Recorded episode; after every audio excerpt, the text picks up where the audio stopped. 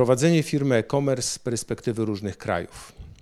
Chcemy dzisiaj porozmawiać z Wami na temat decyzji, którą należy podjąć na początku drogi sprzedaży globalnej, mianowicie z poziomu jakiej formy działalności gospodarczej oraz w jakim kraju zarejestrowanej mm, chcemy rozpocząć i, i rozwijać naszą sprzedaż. Większość z Was ma oczywiście działalność gospodarczą e, już rozwiniętą. Spółka ZO, działająca od wielu lat, prowadząca interesy w Polsce i wydaje się, że naturalną podpowiedzią Waszych księgowych, dyrektorów finansowych będzie to, aby z poziomu takiej spółki ZO zacząć prowadzić sprzedaż na przykład w Anglii bądź też, nie wiem, w dowolnym innym kraju na świecie. Tak, to jest z jednej strony najszybsze rozwiązanie, ale ono e, przeważnie bardzo szybko zaczyna przynosić więcej problemów niż korzyści. Ja nie twierdzę, że sprzedaż z poziomu spółki ZO jest złym rozwiązaniem i absolutnie nie chcemy, aby ten odcinek posłużył Wam jako doradztwo gospodarcze bądź też doradztwo prawne, bo tym się nie zajmujemy, ale chcemy tutaj pokazać kilka aspektów, z którymi myśmy się spotkali, które nam utrudniły bardzo mocno drogę rozwoju, e, tak żebyście być może nie musieli za rok e, robić dużego kroku wstecz, który już dzisiaj może być tylko malutkim kroczkiem powodującym, że będzie po prostu łatwiej. Podzieliliśmy dzisiejszy odcinek na trzy zagadnienia. Pierwszy to jest VAT. Wszystko jest łatwe do momentu, kiedy jako polska firma sprzedajemy tylko do polskiego konsumenta. W momencie, kiedy decydujemy się na sprzedaż poza granicę Polski, musimy być świadomi limitów Limity sprzedażowe, jeżeli jako polski sprzedawca sprzedajemy towary do Niemiec i wysyłamy z Polski, to 22 tysiące euro. Powyżej tej kwoty będziemy zobowiązani do rejestracji się w niemieckim VAT-ie. W Anglii przykładowo ten threshold wynosi 85 tysięcy funtów. To jest pierwszy scenariusz. Jeżeli natomiast w drugim scenariuszu zdecydujemy się na usprawnienie logistyczne i wynajmiemy magazyn w Anglii w celu szybszej dostawy do klienta, będziemy zobowiązani, zanim wyślemy te towary, do zarejestrowania się w VAT-ie brytyjskim. Tutaj wyobraźcie sobie, że od lat jest prowadzona walka na platformie Amazon żeby te zawiłości VAT-u wyjaśnić. W Stanach Zjednoczonych e, z pozoru podatki wydają się być bardzo prostą rzeczą, nie są prostą rzeczą, ale generalnie Amerykanin, który chce sprzedawać w Europie, jeżeli e, mierzy się z problemem VAT-u, to najczęściej kończy się to tym, że nie będzie sprzedawał w Europie. No i my byśmy nie chcieli, żeby tak się stało też z wami. Zobaczcie, jak to wygląda niezwykle skomplikowanie na Amazonie. Jeżeli e, wyobrazicie sobie, że Amazon ma bardzo dużą ilość magazynów, takich jak są w Polsce, w różnych krajach w Europie. I teraz, jeżeli klikniecie w tym Amazonie na taki magiczny guzik sprzedawaj w całej Europie, bądź takim europejskim sprzedawcą i wyślecie towary e, swoje z Polski nieświadomie, tam gdzie Amazon wam powie, czyli na przykład poprosi was, żebyście wysłali towary do Niemiec, do jakiegoś jednego magazynu, to w momencie, kiedy one tam się znajdą, a wy macie włączoną tą opcję tak zwaną pan-EU, czyli sprzedaży e, we wszystkich krajach e, Europy za pomocą magazynów Amazona e, znajdujących się w tych krajach, to wasze towary następnie automatycznie rozjadą się do tych wszystkich krajów.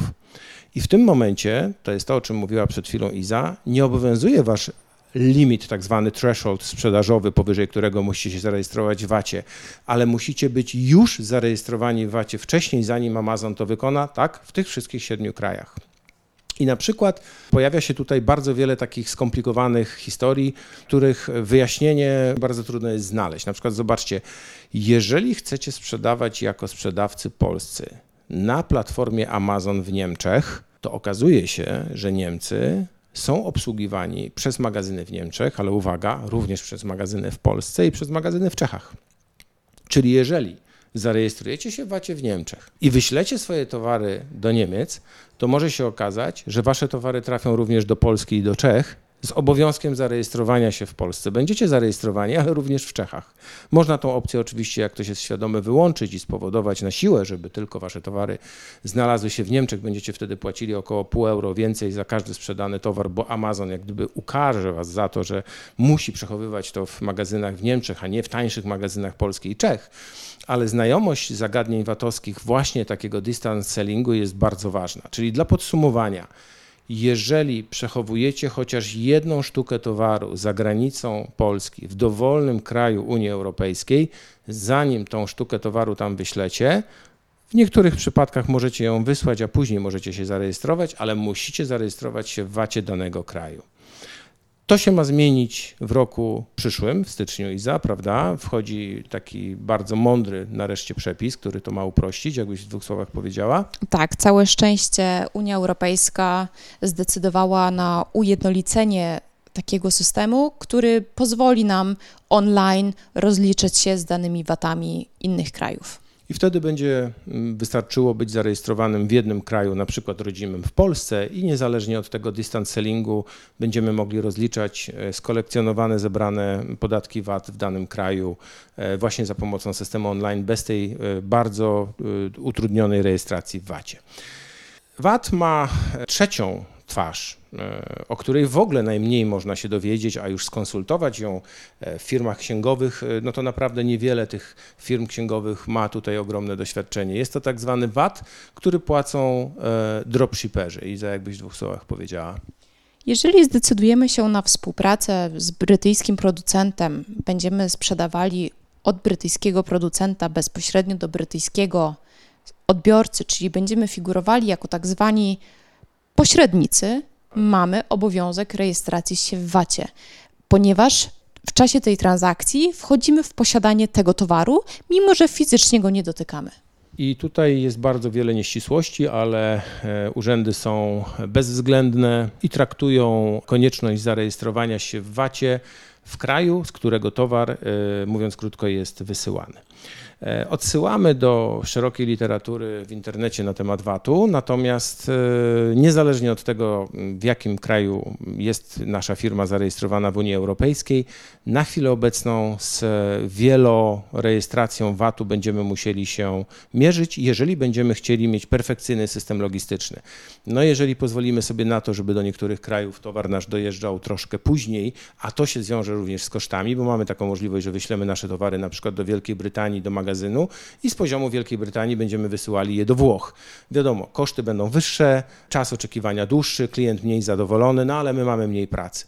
No więc to jest pierwsze zagadnienie, mm, które należy wziąć bardzo, bardzo mocno pod uwagę, czyli VAT e, i miejsce jego rejestracji. E, w przypadku VAT-u musimy zatrzymać się jeszcze na dwóch tematach jest tak zwany sales tax e, w Stanach Zjednoczonych. Iza, gdybyś dwa słowa na ten temat powiedziała, czym jest sales tax i, i dlaczego on jest też nie taki prosty. Wydaje mi się, że to jest jeszcze trudniejsze niż VAT w Europie. Każdy stan w Stanach ma inny sales tax. W każdym stanie spotkamy się z innym sales taxem. Na szczęście Amazon już próbuje unifikować y, system i ułatwiać nam ten proces, czyli za nas zbierać te sales taxy i potem z poziomu Amazona jesteśmy w stanie rozliczyć ten oto podatek stanowy. Są takie, mm, są takie stany w Stanach Zjednoczonych, e, jak na przykład Oregon, gdzie nie występuje sales tax i to są takie zielone wyspy właśnie dla e, magazynowania towarów, dlatego że e, jeżeli tam przechowujemy nasz towar, nie musimy, jeżeli go kupujemy w Stanach od innego hurtownika na przykład, nie musimy zapłacić tego sales taxu, zanim nie sprzedamy go do odbiorcy końcowego. Generalnie sales tax w Stanach równa się VAT w Europie, i rozliczanie dla nas jest tak samo skomplikowane jak rozliczanie VAT-u dla y, Amerykanów. Znacznie łatwiej jest w Australii jednak, gdzie mamy tak. jeden podatek 10% i tutaj nie spotkamy się z żadnymi trudnościami. Przy imporcie zapłacimy upfront 10% GST, które potem będziemy w wyniku sprzedaży rozliczać. Z Australią kojarzy mi się taka bardzo fajna opowieść, żeby na chwilkę odejść od tych nudnych tematów podatkowych, no ale nie, nie da się od nich uciec, możemy na chwilę od nich odpocząć. To jest taka historia sprzed paru lat, kiedy e, jeden z przedsiębiorców zagranicznych przyjechał do Australii i powiedział, że no, chce założyć firmę, żeby zacząć sprzedawać. No i Australia ma tak daleko idącą wyrozumiałość i zaufanie do swoich obywateli, czy do osób, które chcą prowadzić tam działalność gospodarczą, szczególnie na początkowym etapie. No i ten przedsiębiorca zaczął szukać urzędu, tak jak w Polsce, to był przedsiębiorca z Polski, gdzie może się zgłosić, żeby zarejestrować działalność gospodarczą. Ponieważ nie był w jednym z dużych miast typu Melbourne czy Sydney, e, okazało się, że takiego urzędu w jego mieście nie ma. No więc musiał e, dodzwonić się do urzędu w Melbourne i tam mu powiedziano, że od kiedy on tą sprzedaż już prowadzi. A on powiedział, że nie, no on jeszcze żadnej sprzedaży nie prowadzi, on dopiero się przymierza, chciałby założyć, być tutaj e, jak gdyby lega ze wszystkimi rzeczami. A pani w urzędzie powiedziała, proszę pana, nie, nie, to w ogóle nie wiadomo, czy się panu uda, czy panu się to będzie opłacało, czy to będzie pan w ogóle na tym zarabiał. Proszę zacząć normalnie działalność gospodarczą, zgłosi się pan do nas później gdzieś w przeciągu jakiegoś miesiąca czy dwóch od tego momentu. I jeżeli się okaże, że to ma dla pana sens, to wypełni pan po prostu wstecznie takie zeznanie dotyczące tego, ile pan sprzedał tych towarów i wybierzemy wtedy najkorzystniejszą formułę. No więc to jak gdyby jest taki wstęp troszkę do, do, do następnego punktu, jakim jest rozliczanie PIT-u i dywidend właśnie z poziomu spółek w różnych krajach. Nie będziemy absolutnie tutaj e, wchodzili w szczegóły. Polski e, przedsiębiorca e, musi liczyć się niestety z większą ilością negatywnych aspektów niż pozytywnych. Pozytywnym, bardzo dużym aspektem jest na pewno w Polsce dywidenda, która jest opodatkowana 19%, 19% podatkiem i już. W Wielkiej Brytanii tak nie jest. Podatki są ustalone w zależności od wartości tej dywidendy i są dużo mniej korzystne. W Polsce mm, rozliczanie się na przykład ze sprzedaży na Amazonie, często graniczy z cudem. Wiecie dlaczego? Dlatego, że jedynym dokumentem, jaki dostajemy z Amazona, jest raport w postaci Excela, w postaci tak naprawdę dokładnie raportu CSV, e, który trafia do naszego księgowego. I nasz księgowy widzi elektroniczny Excel bez pieczątki, bez podpisu, e, bez danych adresowych, który jest po prostu raportem amazonowym i na tej podstawie ma rozliczyć nasze przychody, nasze koszty. No właśnie. Porozmawiajcie z swoimi księgowymi, czy oni to rozliczą.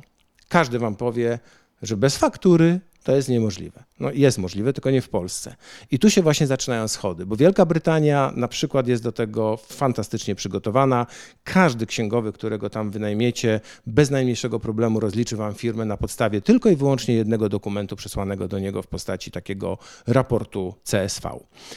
Nie będziemy mówić tutaj o e, firmach LLC w Stanach czy firmach e, PTY Ltd e, w Australii, bo wszędzie rozliczanie podatków jest zupełnie inne.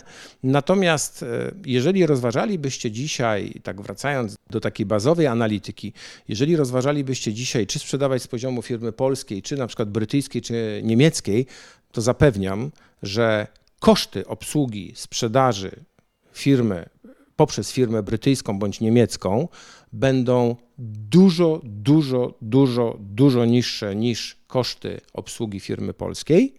Podatki, które będziecie płacić początkowo w Wielkiej Brytanii czy w Niemczech, nie będziecie płacić w ogóle, będą dużo, dużo, dużo, dużo, dużo niższe. A ilość czasu, jaką poświęcicie, żeby co miesiąc czy co kwartał rozliczać firmę, nie będzie dużo, dużo, dużo, dużo niższa, tylko będzie praktycznie zerowa bo wszystko się będzie działo niemalże automatycznie, jeżeli nie wybierzecie firmy polskiej. Warto rozważyć, warto popytać. Tak, warto rozważyć i warto popytać, i oczywiście warto znaleźć firmę, która będzie w stanie zautomatyzować Wam te wszystkie procesy i spowodować, że prowadzenie firmy w Wielkiej Brytanii na przykład będzie mistrzostwem świata. Koszt prowadzenia spółki ZO Wielkiej Brytanii, czyli tak zwanej firmy LTD, to jest na przykład 900 zł. I macie w tym wszystko to samo, co w Polsce za, za co w Polsce zapłacicie prawdopodobnie 1500-2000 zł. Idąc dalej, Ostatnim takim bardzo ważnym elementem, na który ja zwracam uwagę, jest odpowiedzialność prawna. Nie chodzi o to, że chcemy robić coś niezgodnie z prawem, absolutnie nie. Natomiast prawda jest taka i realia są takie, że polska spółka ZO absolutnie nie chroni prezesa zarządu przed odpowiedzialnością prawną. Jeżeli dojdzie do sytuacji trudnej. A zobaczcie, że to może dojść w każdej chwili, na przykład pandemia. Dlaczego podczas pandemii wprowadzono takie nadzwyczajne rozporządzenie, które zwalniało prezesów firmy polskiej z konieczności ogłoszenia upadłości w wyniku na przykład niezapłacenia iluś faktur bądź też osiągnięcia negatywnego cash flow w firmie, no bo właśnie nastąpiły takie nadzwyczajne okoliczności. Ale w codziennym życiu takich nadzwyczajnych okoliczności nie ma. I jeżeli nie zgłosicie w Polsce upadłości firmy w odpowiednim czasie, bardzo rygorystycznie przestrzeganym przez prawo, a każdemu, kto prowadzi spółkę ZO, zdarza się to, uwaga, kilkanaście razy do roku, bo na przykład zapomnicie zapłacić kilku faktur po 5 złotych, macie obowiązek wtedy zgłoszenia firmy do upadłości. Natychmiast, jeżeli ją w końcu zgłosicie, bo staną się rzeczy poważniejsze, członek zarządu odpowiada całym swoim majątkiem za wszystkie rzeczy, które w takiej firmie się wydarzyły w całej jej historii. W Wielkiej Brytanii, żeby członek zarządu został pociągnięty do odpowiedzialności finansowej i odpowiedzialności za swój majątek, musi mu się udowodnić celowe działanie na szkodę firmy. W Stanach Zjednoczonych jest to praktycznie niemożliwe. Udowodnienie, że działało się na szkodę własnej firmy. Musiałoby się naprawdę kraść pieniądze, e, manipulować, nie zgłaszać ich do urzędu skarbowego, dlatego jeżeli prowadzicie firmę zgodnie z regułami, macie księgowego w Wielkiej Brytanii, w Niemczech, w Stanach Zjednoczonych, gwarantuję, że jako prezesi firm jesteście w 100% bezpieczni. Niekoniecznie wasze firmy są bezpieczne. To jest osobny temat. Rozwijając się szybko, na przykład w Stanach Zjednoczonych, największym błędem, jaki jest popełniany, jest błąd taki, że zachwystujemy się tą niesamowitą sprzedażą. Okazuje się, że bardzo szybko e, odbija się to niesamowitą czkawką, dlatego że wpadamy w pewne problemy prawne, zawsze się to w Stanach dzieje, zaczynamy się bronić i nagle przegrywamy, bo na przykład nie stać nas na e, świetnego prawnika, którego ma druga strona, która z nami walczy. Dlatego w Stanach Zjednoczonych na przykład jednym z kluczowych elementów prowadzenia działalności gospodarczej jest tak zwana polisa wystawiana do spółki ZOO, tak zwanej spółki LLC, która chroni nas właśnie od takiej odpowiedzialności. To nie są małe pieniądze, płacimy za taką polisę w zależności od uznania urzędnika, który wycenia nam ryzyko naszego biznesu, ale przekraczając pewne obroty, ja bym przyjął te obroty na poziomie obrotów właśnie tych thresholdów VAT-owskich w Europie. Musimy liczyć się z koniecznością wykupienia takiej polisy LLC, no bo chodzi nam o to, żeby spać spokojnie. Chodzi nam o to, żeby prowadzić sprzedaż. A zawsze jest tak, że nawet najlepsza wiertarka na świecie, którą sprzedajemy, gdzieś kogoś kopnie, komuś wkręci kawałek rękawa i to już jest wystarczający powód, żeby nas pozwano, na przykład w Stanach Zjednoczonych, za sprzedaż urządzenia, które było potencjalnie niebezpieczne. Dlatego zaczęliśmy ten odcinek od rozważania, czy warto prowadzić tą światową sprzedaż z poziomu spółki polskiej. No bo właśnie to jest pytanie, czy jeżeli nam się powiedzie w Stanach, a mamy zarejestrowaną spółkę EZO, to czy na pewno chcemy płacić podatek w Stanach Zjednoczonych na poziomie 30% od osiągniętych e, przychodów? No właśnie, jeżeli zarejestrujemy tą firmę w Delaware, nie będziemy płacić żadnego podatku. I tak dalej, i tak dalej. Oczywiście ja bardzo e, mówię dzisiaj bez schodzenia w szczegóły, ale te aspekty są bardzo ważne, szczególnie na samym początku. Ostatnim tematem, jaki chcieliśmy poruszyć, w momencie, kiedy zakładamy e, konto na platformie Amazon albo zakładamy konto na platformie Shopify, na dowolnej platformie zagranicznej, to bardzo rzadko jest poruszany temat dokumentów, jakie musimy przygotować. Wydaje się to bardzo proste. Spółka ZO, ciach, wysyłamy już. Iza, jak to wygląda? Musimy być przygotowani na to, że Amazon poprosi nas o cały szereg dokumentów. I to nie tylko będzie przysięgłe tłumaczenie dokumentów spółki, ale to również będzie tak zwany utility bill użytkownika, który się rejestruje, czyli rachunek za gaz bądź prąd, który jest gdzie usługa świadczona jest pod adresem zameldowania danej osoby. Okazuje się, że jeżeli jest różnica w jednej literce, na przykład kreseczce, między tym, co podajemy jako nasz adres zamieszkania w Amazonie, a tym, jaki rachunek wyślemy do Amazona, który będzie potwierdzał na przykład, że mamy gaz albo mamy prąd podłączony do tego naszego miejsca zamieszkania, to Amazon nie zarejestruje nam konta. Znaczy, zarejestruje, ale dzień później nam zablokuje. Odblokowanie takiego konta to już jest procedura niemalże prawna, bo musimy wyjaśnić Amazonowi, dlaczego taki błąd popełniliśmy.